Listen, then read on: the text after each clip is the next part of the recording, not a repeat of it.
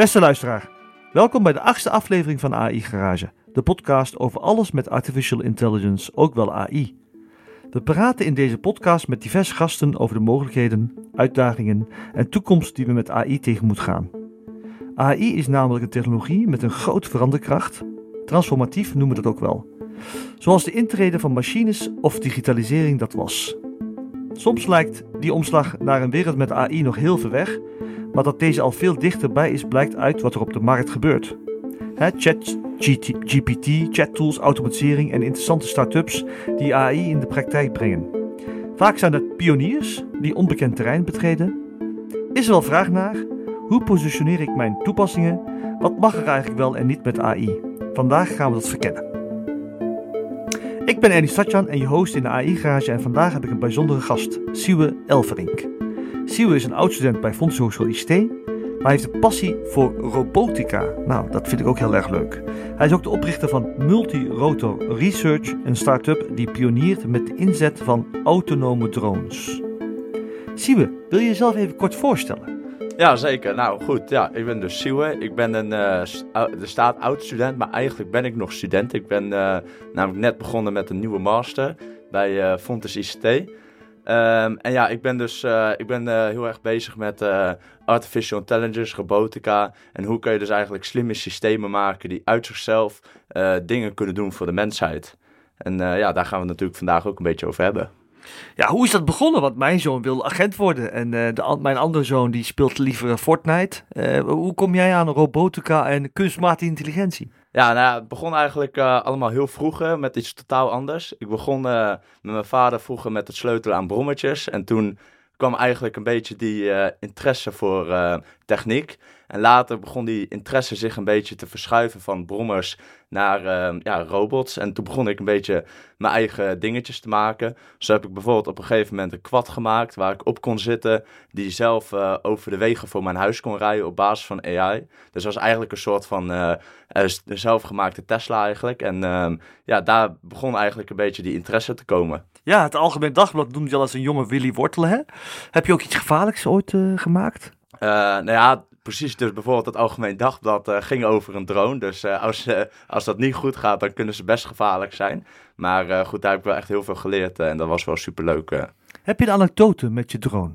Dat er iets misgegaan is? Uh, nou ja, ik heb zeker wel, uh, wel eens uh, crashes meegemaakt. Volgens mij kan ik me nog wel herinneren dat jij een keertje kwam kijken voor een demonstratie. En die demonstratie die ging niet helemaal goed. En dat is denk ik wel gewoon echt het proces van ja, nieuwe dingen ontwerpen. Het gaat, het gaat gewoon fout totdat het goed gaat. En daar moet je gewoon doorheen zetten.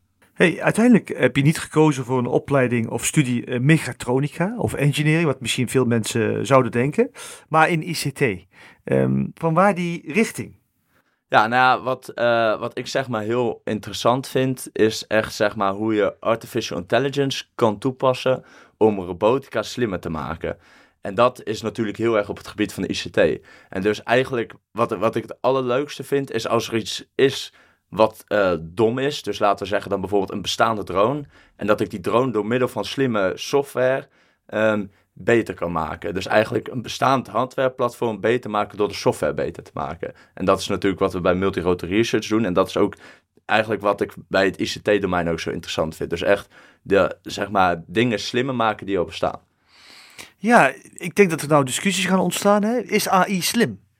Uh, nou, dat, dat denk ik dus zeker niet. Ik denk dat, uh, dat AI is uh, eigenlijk gewoon een soort van papegaai. Hij, hij praat je gewoon na, na wat de data hem geleerd heeft. Dus, maar goed, AI kan natuurlijk wel een heleboel dingen die traditionele algoritmes niet per se zo goed kunnen. Dus in die zin zou je het wel slim kunnen noemen. Ja, toen de drones opkwamen, heb ik altijd nagedacht van, uh, ik moet ook zo'n drone kopen en ik moet zo'n, uh, ik moet daarmee iets mee doen. Het is me nooit gelukt. Ik heb het nooit gekocht. Ik heb er wel spijt van, want vrienden die het wel hebben gedaan, die doen nu aan die uh, drone-wedstrijden. Um, en ze organiseren echt van die, ja, races. Um, hoe, hoe, kom jij met jouw interesse met, over drones? Hoe is dat ook ontstaan? Ja, nou ja, dat, dat is eigenlijk ontstaan omdat uh, ja, ik was natuurlijk een heleboel bezig met uh, projectjes en zo toen ik jong was. Um, zoals natuurlijk de kwad en zo. Um, en op een gegeven moment uh, kreeg ik voor Sinterklaas echt zo'n supergoedkope HEMA-drone van 20 euro. En echt waar, ik ging daarmee vliegen. Ehm, en na 10 minuten zat hij al vast in de boom. En toen dacht ik, nou ja, dit ja, ongelooflijk. Toen was ik eigenlijk was ik alweer helemaal klaar mee. Maar toen een eh, week later zag ik op Marktplaats voor heel weinig echt een mooie drone staan. En ik, nou oké, ik ga er toch meer mee verder. Die heb ik ook nog weer drie keer uit de boom moeten halen in de tijd dat ik leerde drone te vliegen. Ehm, maar daar is eigenlijk een beetje die interesse van drones ontstaan. Omdat gewoon uh, ja, van een cadeautje van mijn ouders eigenlijk. Ja, en uh, hoe, hoe, ver ga je met die drones? Bijvoorbeeld maak jij films, opnames? Of eh, is het alleen maar, ja, wil je snelheid? Dus wat, wat doe je met die drones? Of doe je daar niet zoveel meer mee? Ehm, nou, zeg maar, qua, in mijn hobby ben ik nu ook wel een beetje met dat FPV-racen bezig. Dan ben je dus uh, bezig met eigenlijk een drone te vliegen door middel van een bril die je op hebt. Eigenlijk een soort virtual reality bril. En dan kun je vanuit het oogpunt van de drone, kan jij dan zien wat de drone ziet. Het is eigenlijk alsof je zelf als, ja, in die drone zit. En daardoor kun je ja, super goed eigenlijk die drone besturen. Uh, waardoor je, die dingen die gaan echt super snel die ik heb, die gaan iets van 120 km per uur op topsnelheid. Um, en dat is gewoon heel vet, dat gevoel. Zeg maar, het lijkt eigenlijk een beetje alsof je in Minecraft dan in creative mode aan het rondvliegen bent. Het is zeg maar, ja, de, de hele wereld kan je zo uh, aan met dat ding en uh, het is gewoon heel vet. Ja, sommige luisteraars zijn je al kwijt. Hè? Die weten natuurlijk niet wat Minecraft is. Dat is een spel waarmee je huizen kunt bouwen en werelden kunt bouwen. Um, kun jij voor de techie uh, mensen die luisteren, die dus heel erg geïnteresseerd zijn in welke drone dat is. Kun je dat noemen, merken? En... Ja, nou ja dat, dat is dus zeg maar een zelfbouwdrone. Um, en daar zitten dus verschillende componenten op. Kijk, de Betafly draait er bijvoorbeeld op als uh, firmware. Is uh, 5 inch propellers zitten erop, 4 S batterijen. Dus, uh, en dan uh, voor de kenners die weten dan wel uh, 2200 kV motors, die, die gaat snel. nou, we gaan niet zo verder hoor met de techniek, beste luisteraars die dit iets minder interessant vinden. Ehm, we gaan even verder. Als je, hè, je bent ondernemer nu, hè, je doet een Master Applied IT, klopt dat wat ik nu zeg? Ja, dat klopt. En ja, ja, je bent daarnaast ook je bedrijf gestart. Um, hoe heb je dat opgepakt? Waarom heb je een onderneming gestart? Uh, nou, ik weet om eerlijk te zijn eigenlijk al vanaf heel erg vroeg dat ik iets van een eigen bedrijf ooit wou hebben. Of dat nou meteen was of later, dat was eigenlijk sowieso altijd wel voor mij al plan. Omdat ik gewoon merk dat ik voor een werkgever, ja, kan ik gewoon denk ik niet lekker werken. Dat uh, ook, heb ik ook wel in mijn stage gewoon gemerkt dat ik zeg maar, dat dat gewoon niet helemaal voor mij is weggelegd. Uh, dus zeg maar, ja, ik ben begonnen met uh, uh, eigenlijk gewoon het droomproject via Delta. Dat is dan een speciaal excellentieprogramma voor Fontis. Uh, daar ben ik begonnen eigenlijk met het droomproject. Gewoon omdat ik drones heel vet vond. En samen met andere studenten wouden we eigenlijk kijken... wat kunnen we allemaal met die drones? Kunnen we die slimmer maken met AI? Ehm, en op een gegeven moment kwam er iemand naar ons toe en die zei... kunnen we die drone niet gewoon voor jou kopen? En toen dachten we zo van, ja, waarom wil je dat ding kopen? Hij zit met duct tape aan elkaar geplakt en uh, dit is helemaal geen professionele drone of zo. Maar uh, ja, we zijn eigenlijk toen best wel wat onderzoek gaan doen naar de markt. En dan zie je dat drones in de komende tijd echt gaan exploderen in het gebied van, zeg maar, professionele taken. Dus denk inspecties van bruggen, de beveiliging van terreinen, het in kaart brengen van landbouwgrond. Er zijn allemaal toepassingen voor drones. En dat is eigenlijk een beetje waarom wij nu echt bezig zijn om die drone ook echt uh, te commercialiseren. Ja, He, onze podcast gaat over AI. Um, je hebt het al een paar keer genoemd hoor. Maar um, even teruggaan. Hè. Wanneer was jouw eerste uh, aanraking met AI? Kun je daar iets, bij, uh, iets meer over vertellen? Ja, uh, nou goed, de allereerste keer, dat kan ik me denk ik niet helemaal meer goed herinneren. Maar de eerste keer waar ik echt, zeg maar, um, echt, waar ik echt serieus mee bezig ben geweest, is met het quad-project dus. Dus dat was, het idee was dan om een quad over de wegen voor mijn huis te laten rijden op basis van end-to-end AI. En daar heb ik dus zeg maar, um, ik heb letterlijk die quad gepakt. Daar heb ik zelf rondjes gereden over de wegen bij mij rond mijn huis. En toen heb ik eigenlijk tegen de, tegen de AI gezegd: Kijk, dit is hoe ik het doe. Probeer jij mij nu na te doen. En op een gegeven moment kon die quad dus echt, terwijl ik erop zat, autonoom over de wegen rond mijn huis rijden. En wat dus ook heel leuk was, is dat je echt kon zien dat mijn rijgedrag zag je ook echt terug. Dus precies hoe ik stuurde, zo stuurde hij ook. Dus hij was echt een beetje een soort mini mijzelf, zeg maar, uh, in het rijden in een quad. Uh, is dat voor iedereen, zou ik dat ook kunnen doen? Bijvoorbeeld als ik een quad zou hebben, hè? ik heb het niet, maar zou ik dit heel makkelijk kunnen doen? Ehm, nou, zeg maar, makkelijk denk ik niet wel. Tenminste, je moet denk ik wel heel technisch ervoor zijn. Het heeft mij wel, eh, het heeft mij wel een paar maanden gekost om het wel maar werken te krijgen. Ehm, maar er is een ander bedrijf en dat heet Comma AI. En die is met eh, iets heel erg soortgelijks bezig. Die eh, zijn bezig met zeg maar, zelfrijdende auto's bouwen. Die op basis van menselijk rijgedrag um, zelf kunnen rijden. En dat kastje kan je nu al kopen van hun. En dan kan jij dus die in jouw auto hangen. Het is eigenlijk een soort telefoon die je plakt op je voorruit. En die, kan, um, en die communiceert dan zo met je auto. Um, en hoe jij rijdt, wordt geüpload naar hun database. En daardoor worden hun modellen steeds beter van. Dus dan kan jij eigenlijk als persoon wel de AI helpen om beter auto te rijden. Wat heb ik eraan als rijder? Uh, nou, de, het, het, andere ding is natuurlijk, dat kastje heeft ook een knopje dat je hem in autonome stand kan zetten. En dan kan jij natuurlijk autonoom rijden met het AI-model waar jij en duizenden andere mensen samen aan hebben gewerkt om beter te maken. Ja, dit vind ik natuurlijk weer een interessant uh, moment. Uh, ik zie mezelf nog niet in een auto rijden, tussen aanleidingstekens, die autonoom aan het rijden is. Jij gelooft er wel in, lijkt het. Ja, nou ja, uh, ik denk dat het nog wel een hele lange weg te gaan is. Uh, maar ik denk, ik denk wel zeker dat, dat gaat komen. Als je kijkt hoe ver zelfrijdende auto's tien jaar terug waren. Weet je, dan, dan was het echt nog op volledig afgesloten testterreinen. Um, waar alleen eh, zeg maar voor uh, voorbedachte situaties werden getest. Zoals een nepkindje die over de weg liep en dan kijken of die goed reageerde. Maar nu zie je auto's toch wel zo rijden auto's wel al in de echte wereld applied worden. Nog wel in afgebakende omgeving in de echte wereld, maar ze zijn op dit moment al aan het rondrijden. En op dit moment zijn ze al veiliger dan menselijke piloten, of uh, menselijke chauffeurs. Ja, je noemde net end-to-end AI. Uh, kun, je dat, uh, kun je daar iets meer toelichten? Ja, ja, zeg maar, um, wat je moet bedenken is, als je een uh, zelfrijdend systeem maakt, um, dan heb je allemaal verschillende componenten. Um, vaak werkt het, uh, werkt het doordat je heel veel sensordata verzamelt, vanuit zoals camerabeelden, LiDAR-beelden, allemaal informatie van de wereld. Op basis daarvan ga je proberen met de eerste module, dat noem je de perception module, de interessante informatie uit deze wereld te halen. Dus op basis van AI bijvoorbeeld kan je detecteren of er mensen in het camerabeeld zijn. Dan uh, ga je naar de tweede stap, dat is de path planning module. Die gaat eigenlijk een route bepalen om zo de, alle obstakels die de AI heeft uh, gevonden te ontwijken. En dan heb je de derde module, dat is de controlmodule. En die zorgt ervoor dat het voertuig ook daadwerkelijk de route volgt die de path planning module heeft uh, bedacht. Wat anders is bij end-to-end AI, is dat je zegt, nou, als, wat nou als je al deze drie modules allemaal toevoegt tot één module en dat op basis van AI laat doen. Dus je vervangt eigenlijk alles voor één enkel AI-model. Um, en dat is, dus dan doet eigenlijk het, AI-model van begin tot eind, dus eigenlijk daarom end-to-end, de gehele taak van uh, navigatie toevoegen. Fantastisch hoe je dit uitlegt. Hè? Je bent een Delta-student, uh, van de Hogeschool ICT. Uh, vandaar, vanwaar die keuze om de, die richting op te gaan, eigenlijk?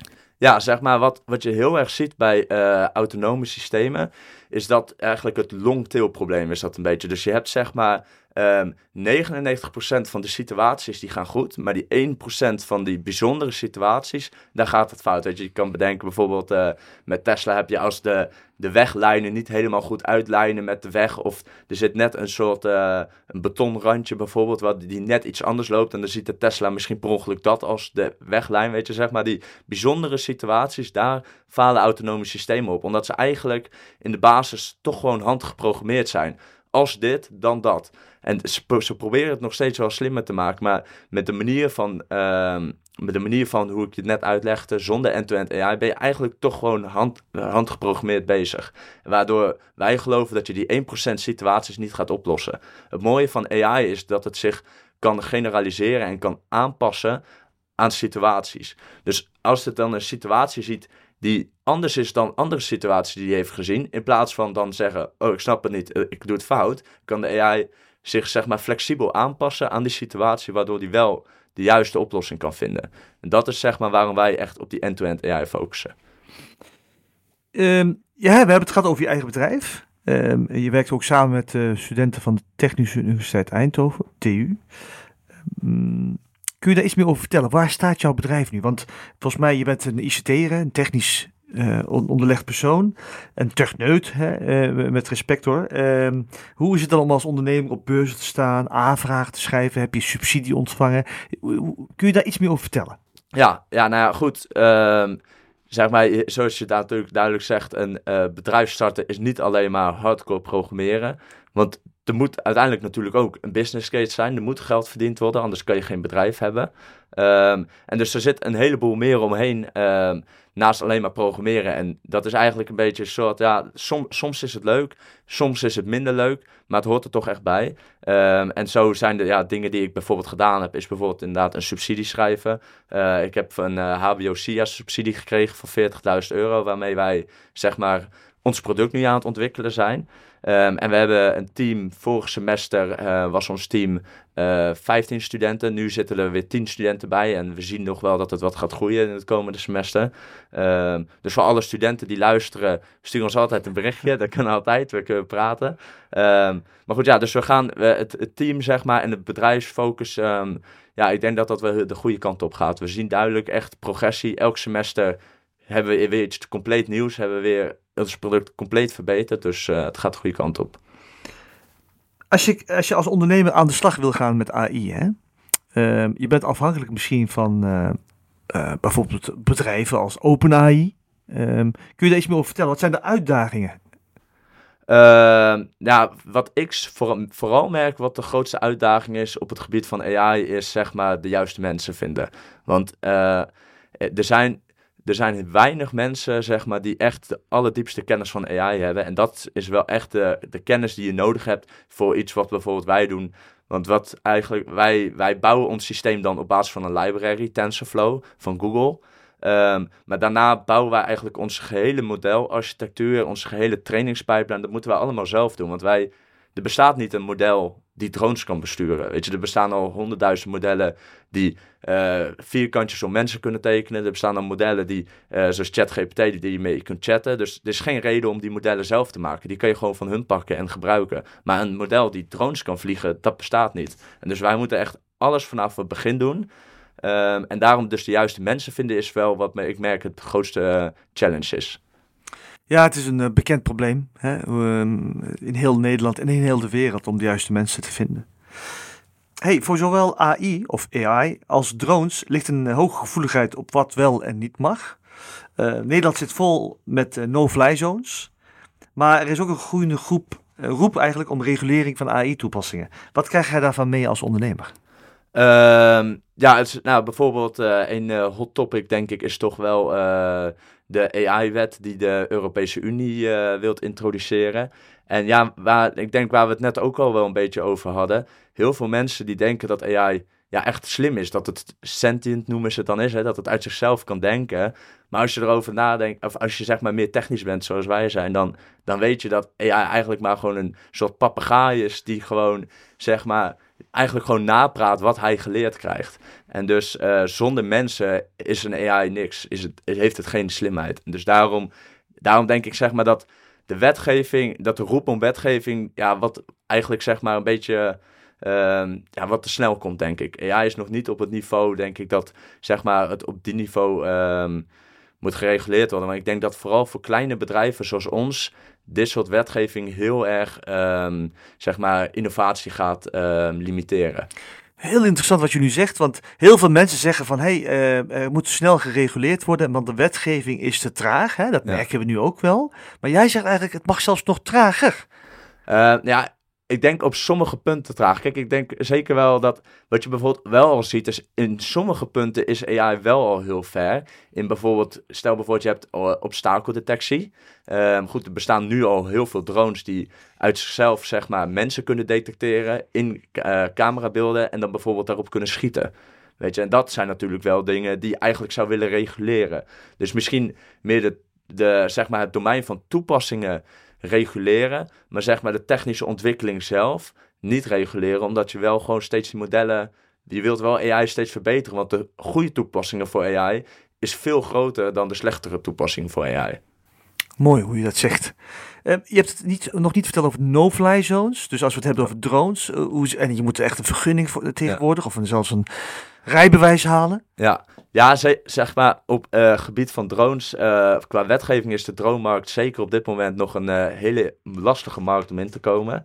Ehm, maar goed, er is een, dus, dus in 2021 is er een globale wetgeving voor drones in heel Europa uh, gezet. Uh, zeg maar, waardoor dus alles gewoon nu duidelijk is hoe het zit met drones. En daar zitten wel veel mogelijkheden ook in. Dus bijvoorbeeld, je geeft aan inderdaad, iedere persoon heeft een drone-rijbewijs nodig om een drone te vliegen. Uh, kanttekening daar alleen is wel, dat rijbewijs heb je in twee uurtjes gehaald. Het is niet hetzelfde als bijvoorbeeld een autorijbewijs, weet je. Dus uh, er zitten wel veel mogelijkheden. Um, en ik denk zeg maar dat um, hoe meer wij drones gaan begrijpen en hoe meer wij gaan leren, zeg maar als Nederland en als Europa gaan kijken hoe kunnen drones goed geïntegreerd worden in het luchtruim wat we nu hebben. Dat die no-fly zones bijvoorbeeld ook gaan krimpen en uiteindelijk ook helemaal zullen verdwijnen. Want er zijn nu al bedrijven die nu al aan het testen zijn om drones op vliegvelden te gebruiken. Om bijvoorbeeld te checken of een vliegtuig veilig is om op te stijgen. Dus dat is, er zijn nu al tests die daar op Schiphol mee gedaan worden. En als dat gewoon allemaal wat meer duidelijk is, dan kan die wetgeving allemaal wat meer versoepeld gaan worden. Ja, ik ben heel erg benieuwd naar je mening. Hè? Als je kijkt naar uh, Black Mirror of andere uh, doemdenkers, dan uh, zie je, zien heel veel mensen een drone die op, met behulp van AI een beslissing kan nemen of een persoon gevaarlijk is of niet. En die dan automatisch ehm, neer kan halen. Ja. Um, hoe, hoe, denk jij daarover? Want er zijn al gevallen bekend, volgens mij in Libië, dat er autonome uh, gevechtsdrones uh, gebruikt zijn. Ja, uh, ik, ik, denk ook zeker, zeg maar, als je naar technische punten naar kijkt, is dat op dit moment al volledig mogelijk op basis van artificial intelligence. Dus dat, zeg maar, ik, het verbaast me niks dat dat, zou, dat dat gebeurd zou kunnen zijn. Um, en, ja, en dat is toch waar ik dan weer terugkwam op wat ik net zei. Je moet niet AI zelf reguleren, maar je moet meer de toepassingen van AI reguleren. Dus je moet zeggen, um, uh, ja, je, kijk, ik ben natuurlijk geen politicus, dus dat is wel lastig om te zeggen. Maar je moet op een of andere manier ervoor zorgen dat het niet interessant is voor de markt om te focussen op militaire toepassingen, maar meer op de goede toepassingen ervan. En dat is misschien, kijk, in, in zeg maar de militaire uh, sector gaat natuurlijk heel veel geld om. En daarom is het al snel interessant voor bedrijven om daarheen te gaan. Maar dat zorgt er dus natuurlijk ook voor dat toepassingen, of goede technieken, ook voor de slechte toepassingen eigenlijk gebruikt gaan worden. Ja, een discussie waar we niet uit kunnen komen, denk ik. Het is een uh, lastig onderwerp, want uh, uh, als je kijkt naar defensie en militaire uitgaven, dan zie je daar een enorme interesse hierin. Ja. Ben je al benaderd door beveiligingsbedrijven of het ministerie van Defensie? nou ja, officieel niet, maar ik heb onofficieel wel eens, wel eens wat uh, gesproken met bijvoorbeeld een oud-militair of zo die uh, op de beurs zag en die ik op een beurs zag en die zei, god dat is wel, dat is wel heel vet, daar kunnen wij wel wat mee. Maar wij hebben zelf bij Multirotor Research echt besloten vanaf het begin, wij gaan niet op militaire toepassingen in. Wij gaan echt focussen op al die andere sectoren, de inspecties van windmolens, zonnepanelenvelden, inspecties, de beveiliging van onze dijken in Nederland, weet je, dat zijn allemaal toepassingen die ook heel belangrijk zijn. En waar je zo'n drone die op basis van AI vliegt, heel interessant voor is. Um, heb jij tips voor uh, andere studenten die willen gaan ondernemen of andere mensen, luisteraars, met AI? Ja, ja, zeker. Ik denk vooral, zeg maar, als je het wil, moet je gewoon zo snel mogelijk beginnen. Dat sowieso. Uh, zeker als je student bent. Want wat het, uh, als jij student bent, heb je, heb je zoveel voordelen ten opzichte van gewoon een normaal persoon uh, die een bedrijf wil starten. Weet je, je kan ondersteuning van de universiteit krijgen. Fontes bijvoorbeeld, die, die, ondersteunt ons gigantisch veel in wat wij doen. qua huisvesting, qua studenten, recruitment en zo. Dus daar, daar moet je gewoon echt gebruik van maken.